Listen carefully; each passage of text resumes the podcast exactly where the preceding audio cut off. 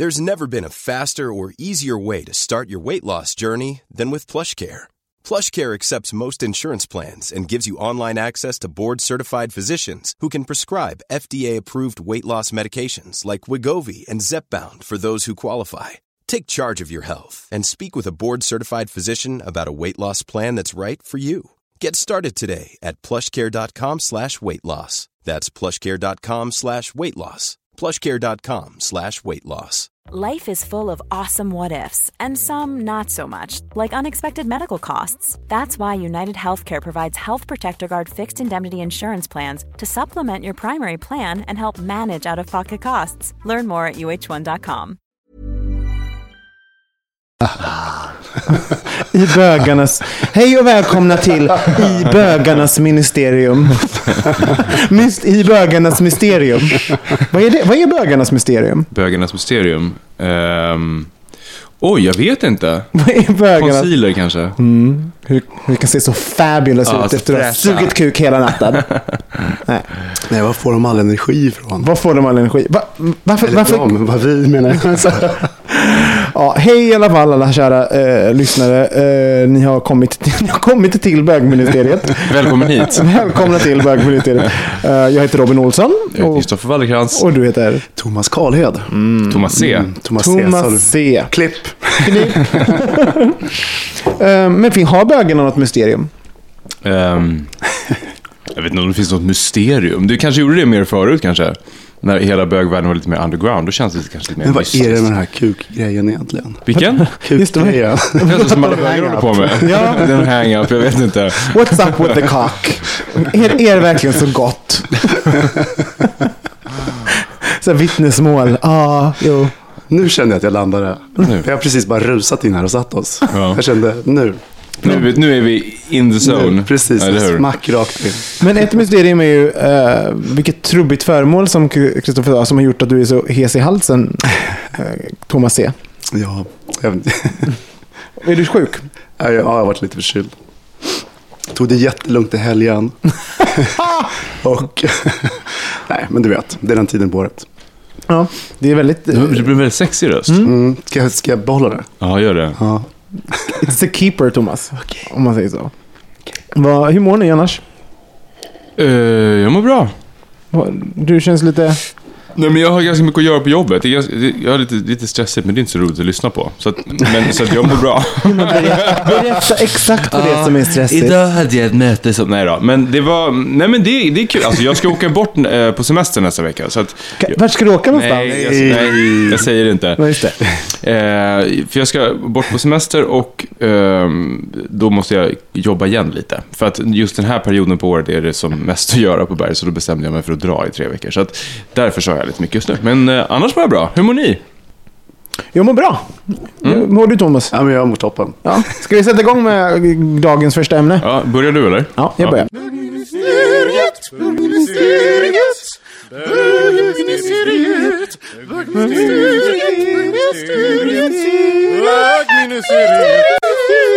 Kör. Då är det ju som så här att ehm, vi har fått ett litet tittar... Eh, Jag lyssnar. Förlåt, jag jobbar med tv. det är så roligt att jag alltid gör samma sak. Jag ser alltid Nej, tittar. Nej, så min gubbe. I alla fall. Björn säger, ehm, eh, undrar det här. Tjup tjup på er. Angående HBT-personers arbetsmoral. Anled- Anledningen till att jag till att jag tänker tanken är typ att få höra er analysera om ens läggning kan ha skapat en typ av arbetsmoral. Jag kommer från de djupa skogarna som gränsar till Norge. Det är kanske inte de mest accepterade ställe, accepterande ställe i Sverige. Och jag tror personligen att min arbetsmoral ökade för att jag tänkte att det kunde vara, ge, ge mig något som tog mig därifrån till ett ställe där det var bättre. Samtidigt har jag HBT-vänner där arbetsmoral är låg för de lägger mer krut på grinder och sprit och tänker att det, lö- att det löser sig med jobb sen. Det är ett så stort område. Man kan ha träffat så många olika varianter av varianter eh, med Citationstecken. situationstecken av arbetsmoral.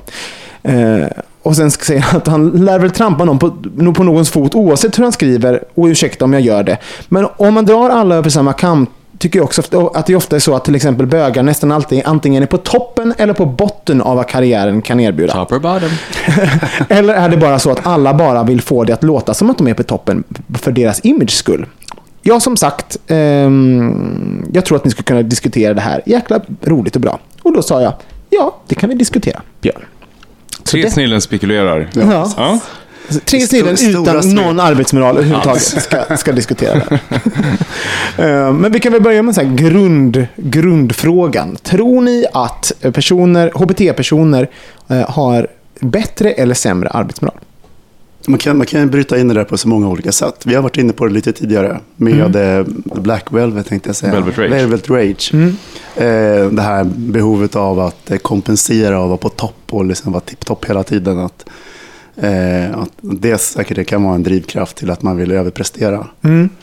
Eh, plus att det, det har i alla fall jag när jag läste den boken kunnat relatera till. Det var åtminstone perioder i mitt liv, speciellt i början. Eh, så det är en ingång. Så känner du personligen att, du, att eh, din läggning har någonting att göra med din arbetsmoral? För jag vet att en gång i tiden så var du, du var ju en riktig arbetsmyra. Eh, Ja. Och det är du ju fortfarande, men, men jag menar, en gång så var Inte du alls på samma sätt som då. verkligen så här, work, work, work. Sådär. Ja, men jag tror inte man, jag tänkte inte på det så medvetet under den tiden. Men på något sätt så fanns det nog ett, ett behov av att på något sätt eh, rättfärdiga mig själv och tycka att det var viktigt att, ja, den här bedömningen utifrån spelar nog definitivt en roll. Varför tror du att du kände det, det behovet? Att rättfärdiga Ja dig själv? men, ja, men dels, det kan ju ha med min läggning att göra delvis. Att jag kände liksom att jag måste vara lite bättre. Att jag kände att jag var tvungen att liksom på något sätt vara en toppenkille. men eh, att det fanns ett att man fick ett värde genom sitt jobb. Mm. Ehm, Håller du med. Kristoffer? Mm, när du säger det så, jag har inte läst boken faktiskt, Velvet Rage. Jag är väl den enda i bögministeriet som inte har gjort det. Men, eh, ja, hur? Nej, men jag tror precis just det där värdegrejen, att så här, om man växer upp och, och känner ett utanförskap och att, att man är liksom ifrågasätter sig själv och vilken norm man tillhör och allt sånt där. Så det är ganska många, inklusive mig själv, som tror jag växer upp med ganska dålig självkänsla. Eh, och då är det ganska lätt att ta någonting så konkret som ett jobb och visa sig behövd och viktig i den rollen. Och det gör att man så överpresterar och att man liksom siktar karriären. Ett annat, en annan grej som det kan ta sig uttryck som man ser ganska mycket också, det är ju folk som tar kontroll över sin egen kropp extremt mycket och blir helt så maniska med att träna. För det är också en sån här, liksom, man, det är någonting man kan praktiskt, kontrollera. ja. Man Man får kan, väldigt mycket positiv feedback i det också. Ja, men nej, det- och det får man ju i ja. jobbet också, och i träning och allt så här. Så det, det blir ju någon, en positiv liksom, spiral av det, helt klart. Men jag tror att det finns väldigt mycket där att hämta faktiskt. Jag, jag håller verkligen med. Och jag tänker på det här med, med normen. Att när man inte tillhör en norm eh, och, och det är någonting som man föds till. Så här, man, föds, man föds till ett utanförskap. Eh, då tror jag, jag tror verkligen det är precis som du säger. Att då, då jagar man de här sakerna man kan kontrollera. Sådär. Eh, och för mig var det nog jättemycket sånt. Och, och då, det grundar ju sig i det här, eh, jag ska visa dem grejen. Alltså, såhär, jag tror att många kanske har haft det tufft också när de har vuxit upp. Sådär. Och, jag menar, och då är det ju väldigt många som blir den här, för helvete, jag ska visa dem att jag, jag är bättre. Jag är inte liksom, Eller att tycka om mig. jag tycker om mig också. Och klara sig själv. Jag tror också därför, det kan vara en grej att så här, eh, karriärsgrejen, att så här, och gör man karriär så kanske man också får bra ekonomi och så blir man mer självständig och klarar sig själv och inte lika beroende av alla andra som ska liksom, finnas där för en, om man känner sig liksom ömtålig så att säga. Men en annan aspekt av det är ju liksom, nu vet jag inte, kanske det var mer så tidigare, jag vet nu, det, det är mycket som förändras säkert. Men det är ju att eh, dels att man kanske är lite mer singel, Mm. men att någonting som definitivt är säkert, man har mer sällan familj. Mm. Och när man, jag brukar titta på mina kollegor ibland, och fan, hur fan hinner de? Det är helt galet. Eh, så jag har ju massa tid som jag faktiskt kan lägga på jobb, eh, som inte de har. Mm. Det är klart att man, det- att liksom, att då blir jobbet viktigare. Det är inte samma uppoffring. Alltså så på det sättet, eller hur? Nej, det Så Men jag tänker på den här andra delen av det då, den här botten liksom. Ska vi, ska vi gå lite alldeles strax? okej, jag tänker bara att vi förlåt. uttömmer Ja, eh, absolut. toppsidan så att säga. Ehm, för, så att säga. Vi tömmer Nu toppen. tömmer vi ut toppen. Vi tömmer toppen hörni. Eh, nej, men... eh, för, det där kommer inte min mamma fatta, men det är skitsamma. Nej. Åh, nej. Okej, vi spelar om. vi gör om allt. Så att mödrarna förstår. Din mamma. Ja, min mamma bara kommer prata. Hon bara, jag tömde toppen på 70-talet. Sorry, fortsätt. Ja, ehm, men det här, eh, jag är li- lite grann inne igen på det här, eh, visa dem. För jag minns eh, själv när jag växte upp att jag tänkte tanken, alltså det var en väldigt tydlig tanke. För jag tror att det är många som tänker att det var liksom ett, en drivkraft som var undermedveten, att komma bort, att, att vilja någonstans. Men jag minns jättetydligt att det var en, liksom, det var en, en eh, formulerad tanke jag hade, att jag skulle lyckas med det jag företog mig för att kunna ta mig bort. Precis, Och, ja. eh, och, och, liksom, och jag undrar om det, det, jag tror att det finns många som, alltså även i så här klass och sånt, man vill, man vill ta sig någonstans. Men, eh, men jag tror det är vanligt att man kanske får, som hom- homosexuell eller bitrans, eller att man formulerar det. Det är jättetydligt att, att mitt jobb kan föra mig någonstans. Kan, kan verkligen ändra mitt liv på något sätt. Så här, som, som inte så här familj och... Men bara, bara det att flytta, som jag tror är vanligare bland Mm. bögar. Att man lämnar eh, landsorten eller eh, lillorten och liksom flytt, det, det har ju ofta, då måste, då, det blir, man har ett annat förhållande tror jag. Mm. Jag tror, undrar om det är så att, för att, att, att flytta till exempel och att byta geografisk plats så att säga. Det är ju, eh, det är ju livserfarenhet och så vidare. Och jag tror att bögar i större utsträckning gör det. Och det är ju någonting som är attraktivt också på arbetsmarknaden. Folk som har varit, bott i olika länder, sett olika ställen. Tror ni det påverkar hur arbetsgivare ser på en? Du sa ju just det. Men tror ni det? Men tror ni det? Håller ni med mig? Jag sa, eh, det beror nog på vad det är för jobb. Det var du sa det, allt jag säger är sant. Jag bara, Så "Gud, här, Herregud. Man blir attraktiv, tror du det? Så här, eh, jo, nej, men jag tror att det beror på vilket jobb man söker. Men jag tror också att det här med att flytta, för det var, jag, jag, jag var nog inte så himla välformulerad kring att jag skulle ha en karriär som sen kunde leda mig dit så. Däremot så vet jag att när jag var liten så visste jag att jag ville ha ett jobb där jag fick resa och komma bort ifrån den plats jag var på då. Och, och, så, så, och det kan jag ju se nu handlar det om att så här, fly Södertälje liksom, och komma ut i den stora världen. Liksom. Ehm, och jag har ju haft jättemycket nytta av det, men jag vet inte om det, är så här, om det stärker CV just att jag har bott utomlands. Däremot så stärker CV att jag har erfarenheter från den, från den tiden. Så. Och ingen kräkreflex. Det är jätte... Men jag tror definitivt att det, att det, är ett plus på många sätt. Men det, jag menar, ska man vara ärlig, alltså, i Stockholm så är det ju liksom inte, Alla... ja, men det är ju inte speciellt unikt. Nej. Nej, det Men alla kommer ju från Borlänge från och alla. Nej, men Ja, men har liksom gjort ett år här eller någonting där. Och ofta i alla fall. Så att det är liksom inte... Tror ni det finns ett stigma då att vara bög och inte vara karriärist? Det beror på vilka kretsar. För att det finns ju en annan del av, av bögvärlden som är den här rebellen mot etablissemanget och när man inte ska försöka efterlikna heteronormen. Och den kan ta sig massa olika uttryck. Dels så här politiska såklart, som man ser som är mer aktivistmässigt. Men också här, fuck it, jag tänker inte anpassa mig och skaffa karriär och göra hela den grejen. Jag tänker ha roligt att göra. Bara, så här, och så blir man club kid istället eller något sånt annat. Och då, då värderar man ju inte jobb och då blir det ju inte ett, ett stigma. I alla fall inte för en själv. Liksom. Utan det beror nog på hur man identifierar sig också tror jag väldigt mycket. Det beror på hur man uttrycker det. Man kan ju ha stigma utan att man uttrycker det. Och jag, samma sak där tror jag att det är nog ganska generellt att folk kan ha ja, man kan känna lite stigma och känna sig lite underlägsen oavsett vilken läggning man har. Men om man har alla i sin bekantskapskrets som har eh, bra jobb och en karriär. Det Jag tänkte det, det måste Ja. vara kontextuellt liksom, beroende på vad man, alltså, vad man har för krets runt omkring Jo, sig, men det är det jag liksom. menar. Men det är ju den sociala kontexten. Menar, man, kan ju, man kan ju umgås med en massa människor som är i samma situation som en själv och då är det normen. Jag brukar tänka på det, jag menar, bara titta på vårt umgänge. Mm. Det finns ju liksom alla, alla eh, typer Mm. i sin, var de befinner sig just nu i jobb och sådana saker. Jag, jag tänker aldrig på det. Fast, fast majoriteten, måste vi säga, majoriteten av, alltså vår, liksom, det är ju för helvete lite elitistiskt. Det kan man ju inte liksom, eh, alltså många med framgångsrika jobb som befinner sig högt upp i, sin, sina karriärer. Liksom.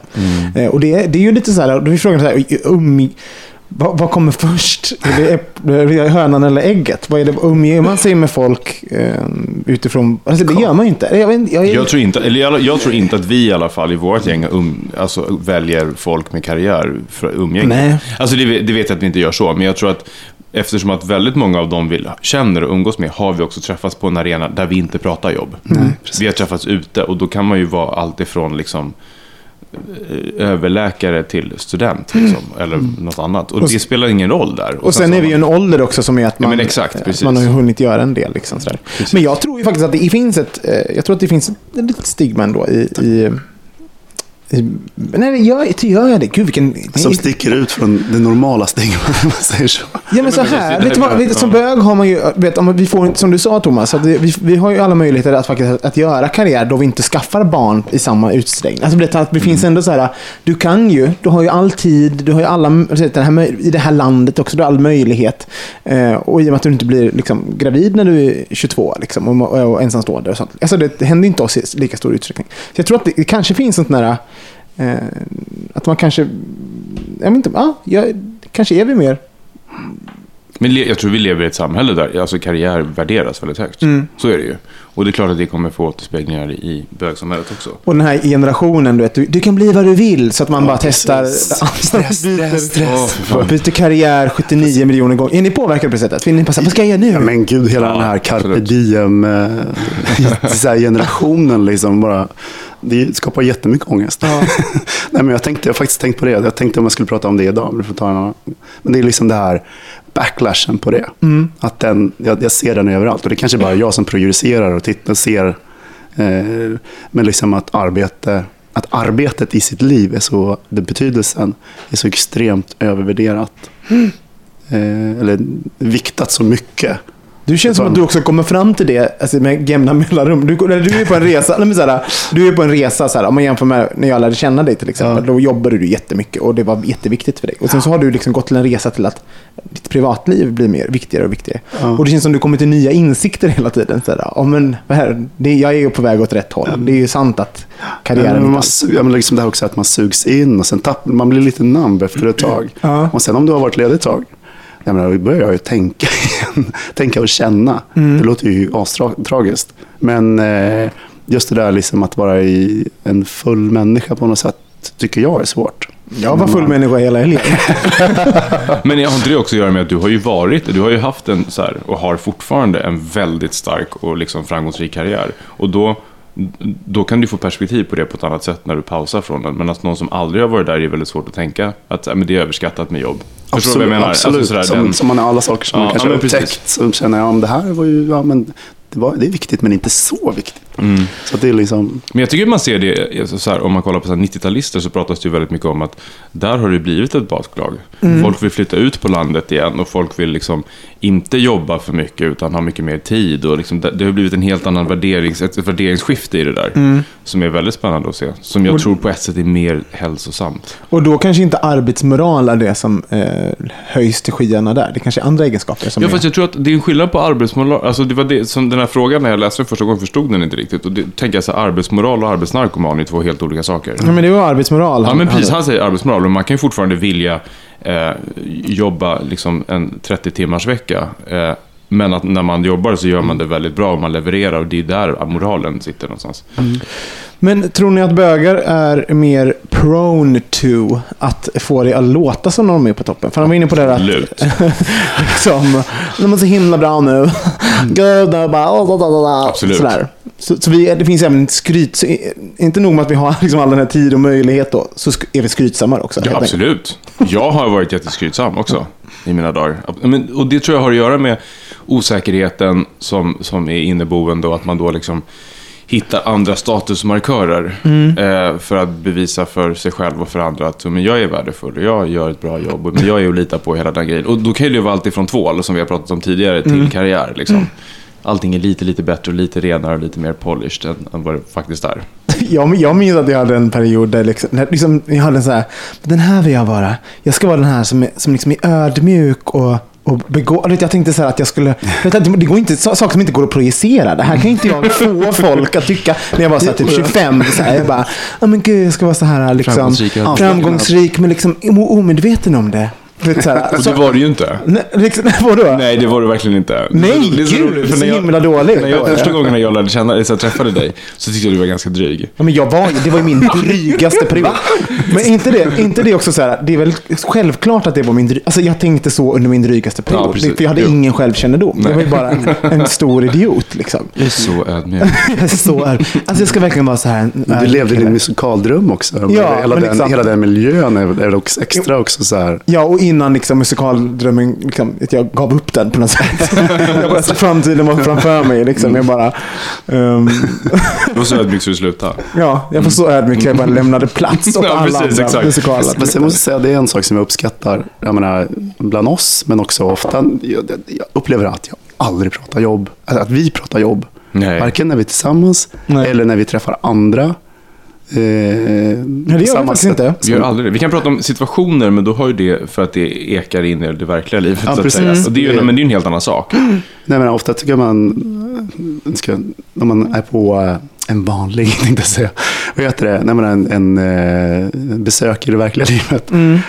Nej, men alltså, om man är på en, en middag eller en, någon annanstans så blir det ju ofta att man får en jobbfråga. Mm. Och jag, jag vet inte hur jag, jag kan inte liksom, eh, Nej, då blir det vad är väl- kortsvaret på det liksom? Ja, men, Ja, jag jobbar. Mm. Ja, och, liksom, och sen så ska man Och vad gör du berätta då? om det. Ja. Men, varför, och det, men det är ju så tydligt. Den frågan, aha, vad, vad gör du för någonting? Är ju ett, ett, ett symptom på att vi lever i ett samhälle där vi värderar karriär jättehögt. Mm. För säger man då att man är liksom eh, halvtids... Eh, ja, jag vet inte vad ens. För något, något riktigt halvsjaskigt jobb. Då stannar ju frågorna.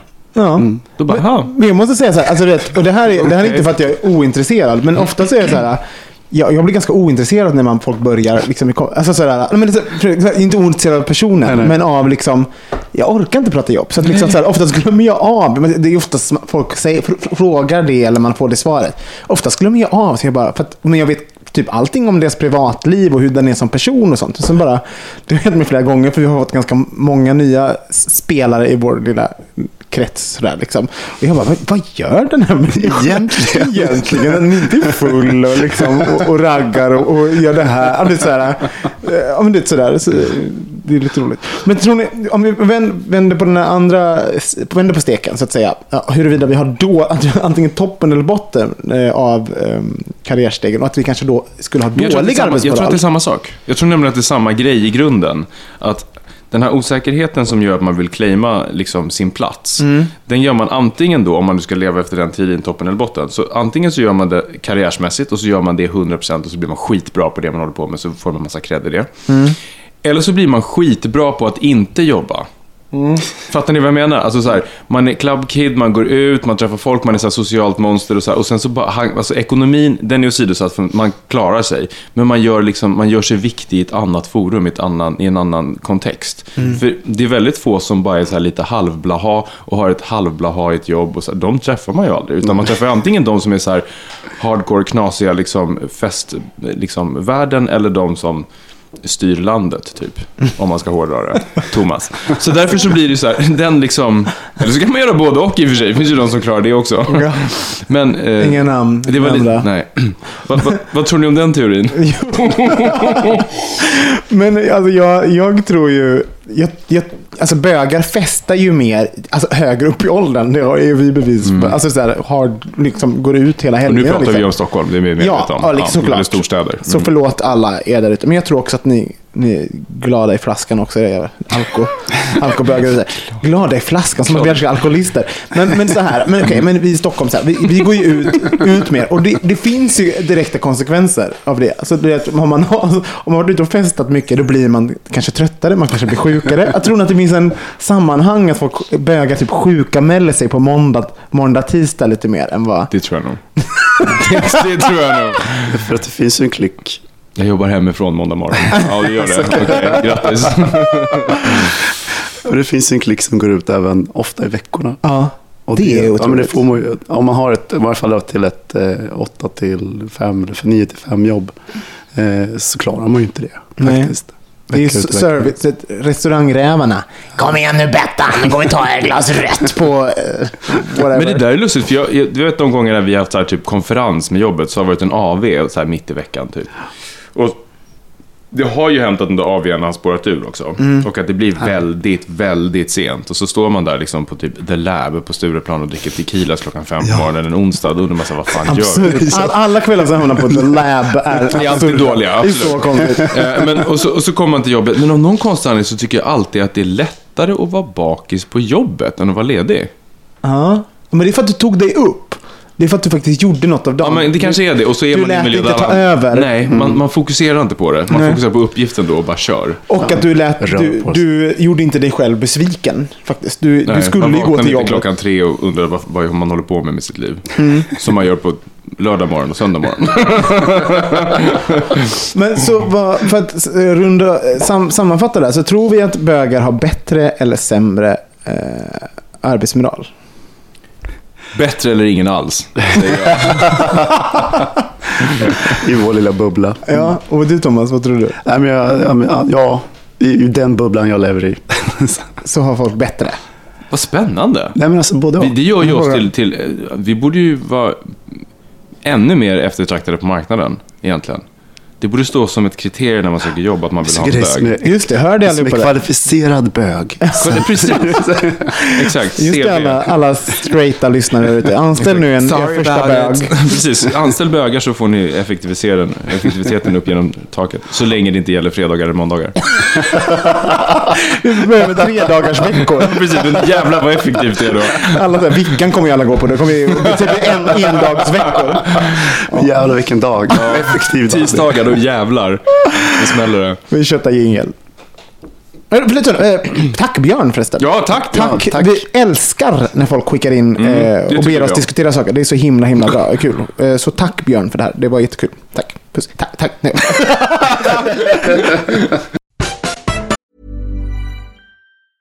A lot can happen in three years, like a chatbot may be your new best friend. But what won't change? Needing health insurance. United Healthcare Tri Term Medical Plans, underwritten by Golden Rule Insurance Company, offer flexible, budget friendly coverage that lasts nearly three years in some states. Learn more at uh1.com. There's never been a faster or easier way to start your weight loss journey than with PlushCare. PlushCare accepts most insurance plans and gives you online access to board-certified physicians who can prescribe FDA-approved weight loss medications like Wigovi and Zepbound for those who qualify. Take charge of your health and speak with a board-certified physician about a weight loss plan that's right for you. Get started today at plushcare.com slash weight loss. That's plushcare.com slash weight loss. plushcare.com slash weight loss. Quality sleep is essential. That's why the Sleep Number Smart Bed is designed for your ever evolving sleep needs. Need a bed that's firmer or softer on either side? Helps you sleep at a comfortable temperature? Sleep Number Smart Beds let you individualize your comfort so you sleep better together. JD Power ranks Sleep Number number 1 in customer satisfaction with mattresses purchased in-store. And now, save 50% on the Sleep Number limited edition Smart Bed for a limited time. For JD Power 2023 award information, visit jdpower.com/awards. Only at a Sleep Number store or sleepnumber.com. Nej, men jag, eh, mitt ämne, kul. Eh, Nej, men jag tänker så här. Den här perukfrenesin. Den här epidemin som går just nu. Som sprider sig. Vad- Det är fascinerande när man ser på Instagram i sin bekantskapskrets. När man kommer hem till folk så ligger lite peruker eh, strödda över lägenheten. Och man kan inte ha en fest idag utan att du åker på en peruk. Nej. Och varför är det så roligt? Jag fattar inte det. Jag tycker det är jätteroligt.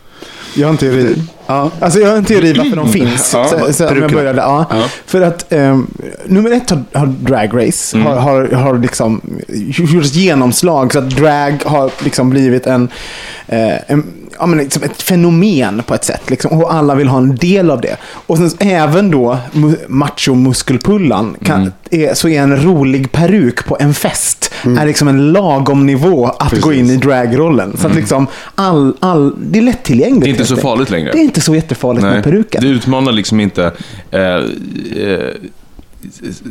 vad heter det, sexupilet Nej. som du gjorde förut. Det är snarare så här, titta vad rolig jag är. Jag är har självdistans, aha. ja, jag är snygg och sexig och, och kan ändå dra på mig den här röda parsen. Mm. Liksom. Leka Jennifer Garner alias. Liksom. Det var en referens som man inte har varit. Ja, verkligen! Gud vad länge sedan. Alla de där jävla perukerna och datelinen som dök upp. Så himla bara, åh, verkligen, jag kan, vi kan inte känna igen dig Jennifer för att du har en röd peruk. Mm. Går hade en gul. Man bara, så smart. Nej, men allting blir ju lite roligare. Det är roligare. Men, Men men, det, men det där tror jag också, varför det blir roligare tror jag för att så fort man får på sig en peruk så förändras ens utseende radikalt. och gör det det så, så går man in i ett rollspel. Så man behöver inte ta ansvar samma, på samma sätt som man gör det är precis som så här, folk som gör drag, de blir personlighetsförändrade. Man- Precis. Och jag tror peruken är det starkaste faktiskt elementet av det, för det är så påtagligt. Det är en väldigt eh, kort startsträcka på en ny persona. Liksom. Så det är Verkligen. liksom bara pang. Så, Det kan även vara en utveckling, för vi pratade ju om, för någon avsnitt sen om fuldans. Jag fuldansar aldrig mer. Kan det här vara liksom som ett... Peruken är nya fuldansen. Ja, jag kan tänka mig att för mig fyller peruken det som fuldansen, fyll, den funktionen nu. Jag Det får, exakt samma. Ja. Vad sjukt. Det är, det är faktiskt det. jag får uttryck för samma sak. Jag får vara ful, jag får skämta, jag får leka, jag får spela någon karaktär. Men, men peruken är ännu bättre än fuldansen, för det är ett eget objekt med en egen person som man tar på sig. Och sen kan man ta av sig Och så den. kan man ta av sig. Då är det lugnt, då behöver man inte hålla på och tramsa längre. Nej. Har, har ni tänkt på att det känns alltid som att den, den, om du har, man har flera peruker Ja. så är det, alltid någon, det känns alltid som att alla andras peruker är mycket roligare än egen. Varför får jag alltid den fulaste peruken under? Det är liksom så här, den ständiga jakten på, på den rätta peruken. Den bästa peruken. liksom. Men det, det där har också, det är en attitydsfråga. Ja, okej. Alltså jag har ju kommit fram till att jag har ju en superkraft. Ja. Jag kan ta på mig vad som helst på huvudet och få det att se jävligt fashion ut. Ja. Ge mig en risig peruk and I will work that bitch until it looks fab. Det är liksom din, den sämsta X-Men. Inte om man är Jennifer Garner. Inte om man är Jennifer Inte om man Garner. jobbar med det. Men liksom bara så här. Men allt det annars Mutanter finns och det är liksom det som du fick.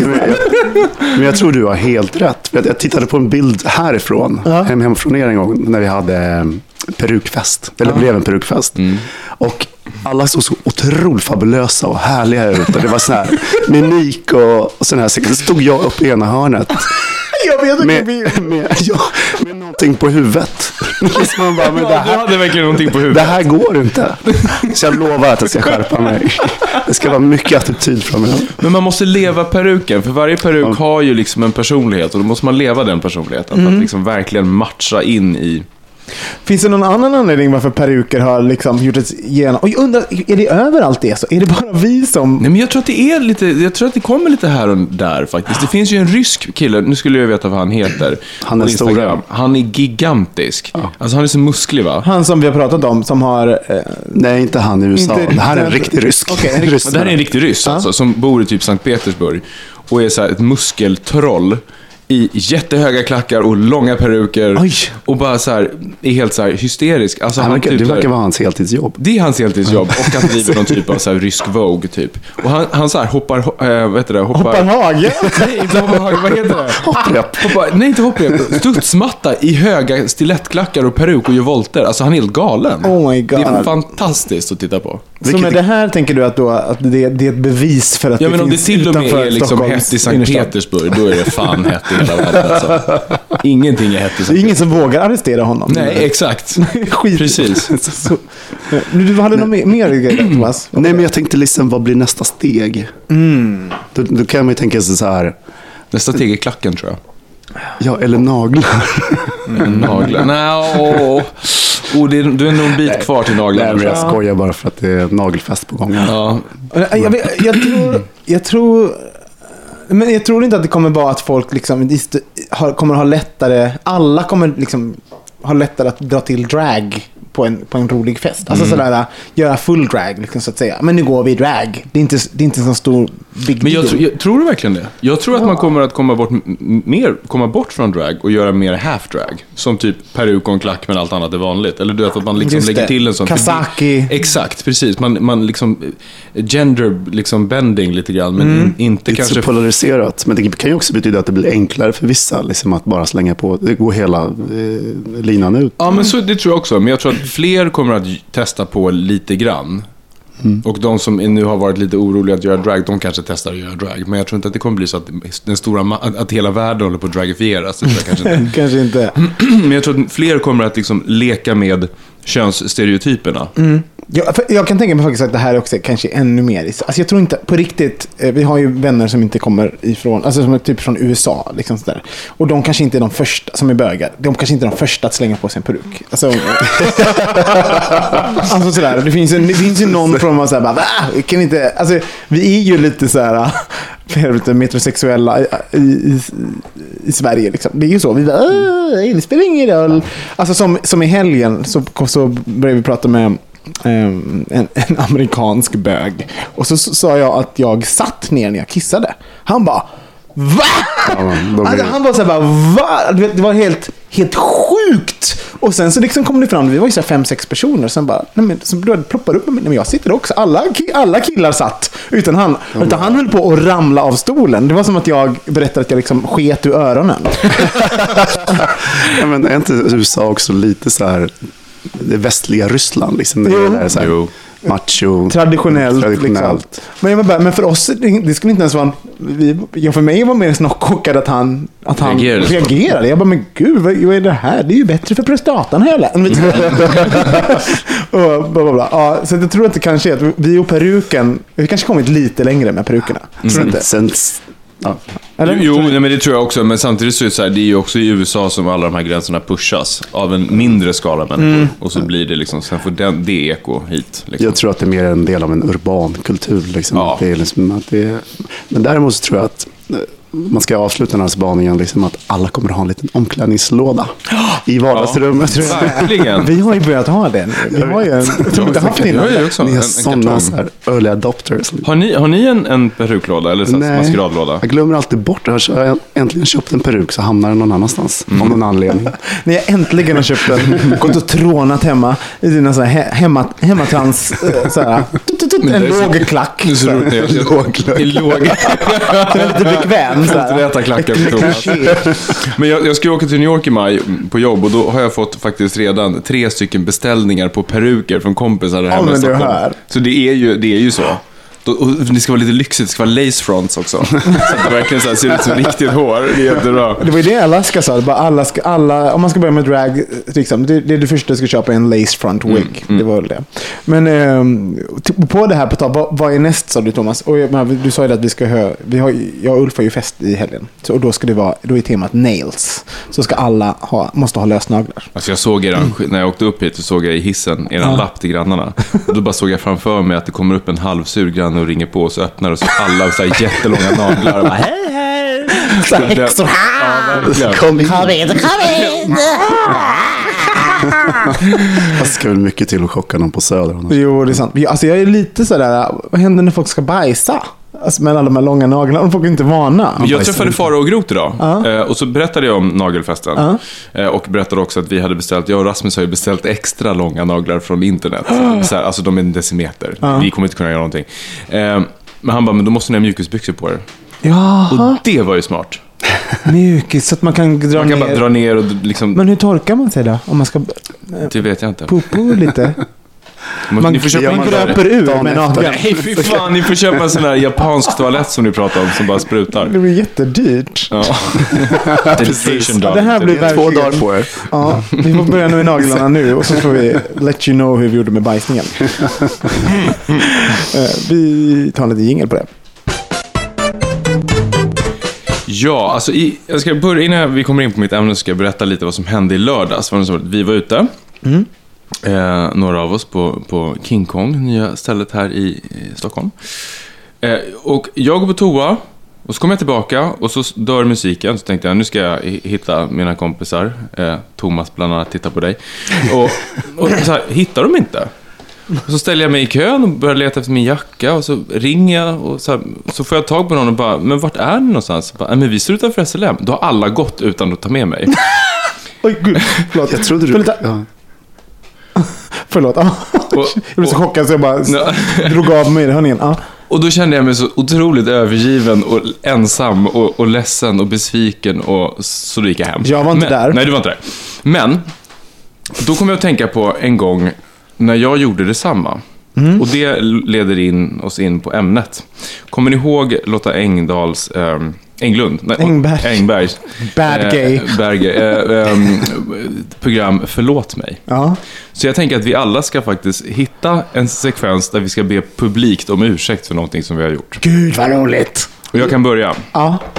Eh, så här, för ungefär ett halvår sedan så blev eh, vi och många andra, jag då inkluderad, bjuden till en brunch av en kompis. Låt oss kalla hen Liselott. För du vet Liselott vem det är, men vi behöver inte hänga ut. Ehm, och jag tackade ja. Eh, Och alla tackade ja och sådär, det var inget konstigt. Sen så var det en fest dagen innan eh, som blev ganska sen. Jag vaknar upp och känner så här, "Ugh, nej jag orkar inte gå på brunchen. Men inser att så här, oj jag skulle varit på brunchen för en kvart sedan och skickar ett sms. Och säger så här, åh förlåt Liselott men ehm, jag kan inte idag. Men då har alla gjort det, så Liselott sitter på en bokad restaurang själv på ett bord. Eh, och de enda som kom var David och Johan. Så nu vill jag be om ursäkt för det, Liselott. Jag ber om ursäkt, så ska jag aldrig göra igen. Säg att jag kommer så kommer jag, det lovar jag. Förlåt. Jag tror att jag vet vilken gång det var. Jag tror faktiskt att jag hade sagt nej innan. Hade du det? Ja. Ja. Vilken tur. Men jag, jag, minns, jag minns det, för det la- lades upp en bild på det där. Mm. Ja, jag vet. Jag minns den Ett bilden. stort, stort tomt bord. Ja, med Liselott Ja, och. Johan och David. Ja, det där är inte okej. Och samtidigt så här, för det finns ju någonting med just den, det är ju någonting lite, det är jättehemskt. Mm. Men samtidigt också lite förstå, alltså det är här, någonting har gått, Jag vet, fast ändå. Ah, inte okej. ja, ja. Säger man att man ska komma så får man fan komma. ja det får man. Usch. Ja. Ja, eh, har du någon, någonting Thomas? Jag är så jävla dålig på att komma på, på saker för Du är snabbt. så dålig på att be om ursäkt. Ja, ja, det är också. Okej. Ehm, det här, här är bakgrundshistorien. Jag, Camille och min kompis. Vi, um, vi umgicks dag och natt när vi gick Balettakademin tillsammans. och sen så var det så att vi liksom lånade kläder av varandra och han sov över hos mig, jag sov över hos, över hos honom. Sen kan det ha varit så att han en gång eh, glömde en jättedyr parfym hos mig eh, i min lägenhet. Det kan även ha varit så att jag inte sa till honom att han glömde den parfymen. Det kan även vara så att jag hade den i mitt badrumsskåp och använde upp den och låtsades som att jag inte visste vart den var någonstans. Du, du stal den? Jag stal Ja. Camillus parfym. Eh, och det roliga är att det liksom, han kom ju på det här sen. Liksom så här. Eh, eh, alltså han hittade den i, typ, i min, i min eh, badrumsskåp. Varav jag liksom är så här. Oj gud, jag har inte... Vad är det? Jag kommer inte riktigt ihåg. Så här, liksom. Jag kan nu ta ett tillfälle i akt och säga Camilo, jag visste att, att parfymen var i badrumsskåpet. Jag stal den. jag stal din parfym. Så, ja, var, det, var, det, var det en Jag tycker du hemsk... ska säga förlåt också. Förlåt Camilo. Förlåt. Inte det var- bara konstatera det faktum. Och det är roligt också så här, är det här katolskt liksom? Säger man bara förlåt om jag förlåter? Ja, då är man förlåten. Speciellt när de inte kan säga någonting tillbaka. Ja, så är det bara, det är något sånt där, toppen, gud, jag gick för folkmord, förlåt. Man bara, det är Sorry about it. Katolicismen är så konstig på det sättet. Det kan ju typ vad som helst. Du bara, mm, tre över Maria, gå hem, så blir allting bra. Karl Herdskan, har du någon härlig... Ja, vad svårt det här var. Shit. Men nu får du ta något. Eh, ja. ja. Nej, men det är ingen rolig grej. Men liksom så här, någonting som jag liksom har, när jag blivit äldre har fattat liksom att... Nej, men, jag var yngre och kanske var lite mer... Eh, tänkte inte så mycket på det. Men det är liksom att jag kunde vara lite halvflörtig med någons kille. Alltså inte nä, i nära krets. Men folk, liksom någon som man kände lite flyktigt bekant. Som man blev vän, vän med på Facebook. Facebook. jag blev stressad nu. Så, nej, men sådär, och liksom, även fast jag vet att, eh, visste då, det kanske tio år sedan, någonting sånt där, att, eh, att jag gick för långt i att vara flörtig med någon som jag var bekant med och hans pojkvän. Eh, och det kan jag, kan jag titta idag och känna så här, ah, gud vad, vad, vad jag inte är stolt för det. Eller liksom att jag faktiskt ser, ser mig själv idol liksom och så. Och jag kan märka att andra människor eh, gör ungefär samma sak. Jag kan se ett, ett, jo, Det där är spännande. Det där har jag, känner jag igen. Ja, men också att jag befann mig någon annanstans då. Och jag bara skulle säga till Mr X där, sorry, det var jag var väldigt eh, ung. Förlåt. Det, fin, det finns en speciell du tänker på, liksom sådär. En, en person specifikt. Ja, liksom. en bekant till oss. Ja. Som inte är jättenära, men det finns där. Jag brukar tänka på det när jag träffar honom. Att jag liksom sådär att... Eh, och... Eh, För det hade varit det var roligt det var hela ditt Facebook-feed. så alla på Facebook flörtar Fast jag flörtade med alla era killar. Så en riktig Nej, men alltså, Facebook-hora. det hände ju ingenting. Liksom, aldrig hänt. Men det, var liksom mer så här att... Fast du visste att du gick lite över gränsen. Jag addade honom och sen så här, två timmar senare så addar vår bekant hon mig. Ja, Och, det var- ja, men det liksom bara känns... Nej. nej. Jag förstår. Så, så du ber om ursäkt? helt Ja, förlåt. Bra. Gud vad härligt. Det var lite eh, frigörande det här ändå. Jag tror inte Camilo lyssnar på det här. Ska jag säga till honom? Ska du säga till eh, Liselott? Och ska du säga till... Mm, det kan vi göra. Det är lite spännande. Och du, och du skriver, vad du är nyfiken och du skriver en statusuppdatering på Facebook för alla. Ja, förlåt, förlåt. förlåt. Förlåt alla så jättemycket. Hörni, tack snälla för den här veckan. Ja, det blir en liten, lite kortare avsnitt idag, men eh, vi har faktiskt annat för oss. Ja, men vi, är- vi är effektiva bögar med arbetsmoral. Så Vi ska håller gå och jobba. Precis, eller hur? Det är därför. Exakt, så vi har så himla mycket för oss. Ja. Ehm, eh, som sagt, skicka jättegärna in mer förslag på vad vi kan prata om. Och det gör ni på hejatbogministeriet.se. Och sen kan ni följa oss på Facebook och Insta också. Yes. Det heter vi Bogministeriet och Ja. Bögministeriet. Förlåt oss för allt. Förlåt, för allt. Förlåt för allt. Kära lyssnare, förlåt. Ja, puss, vi ses nästa Ha vecka. en fin vecka. Hej då. svejs.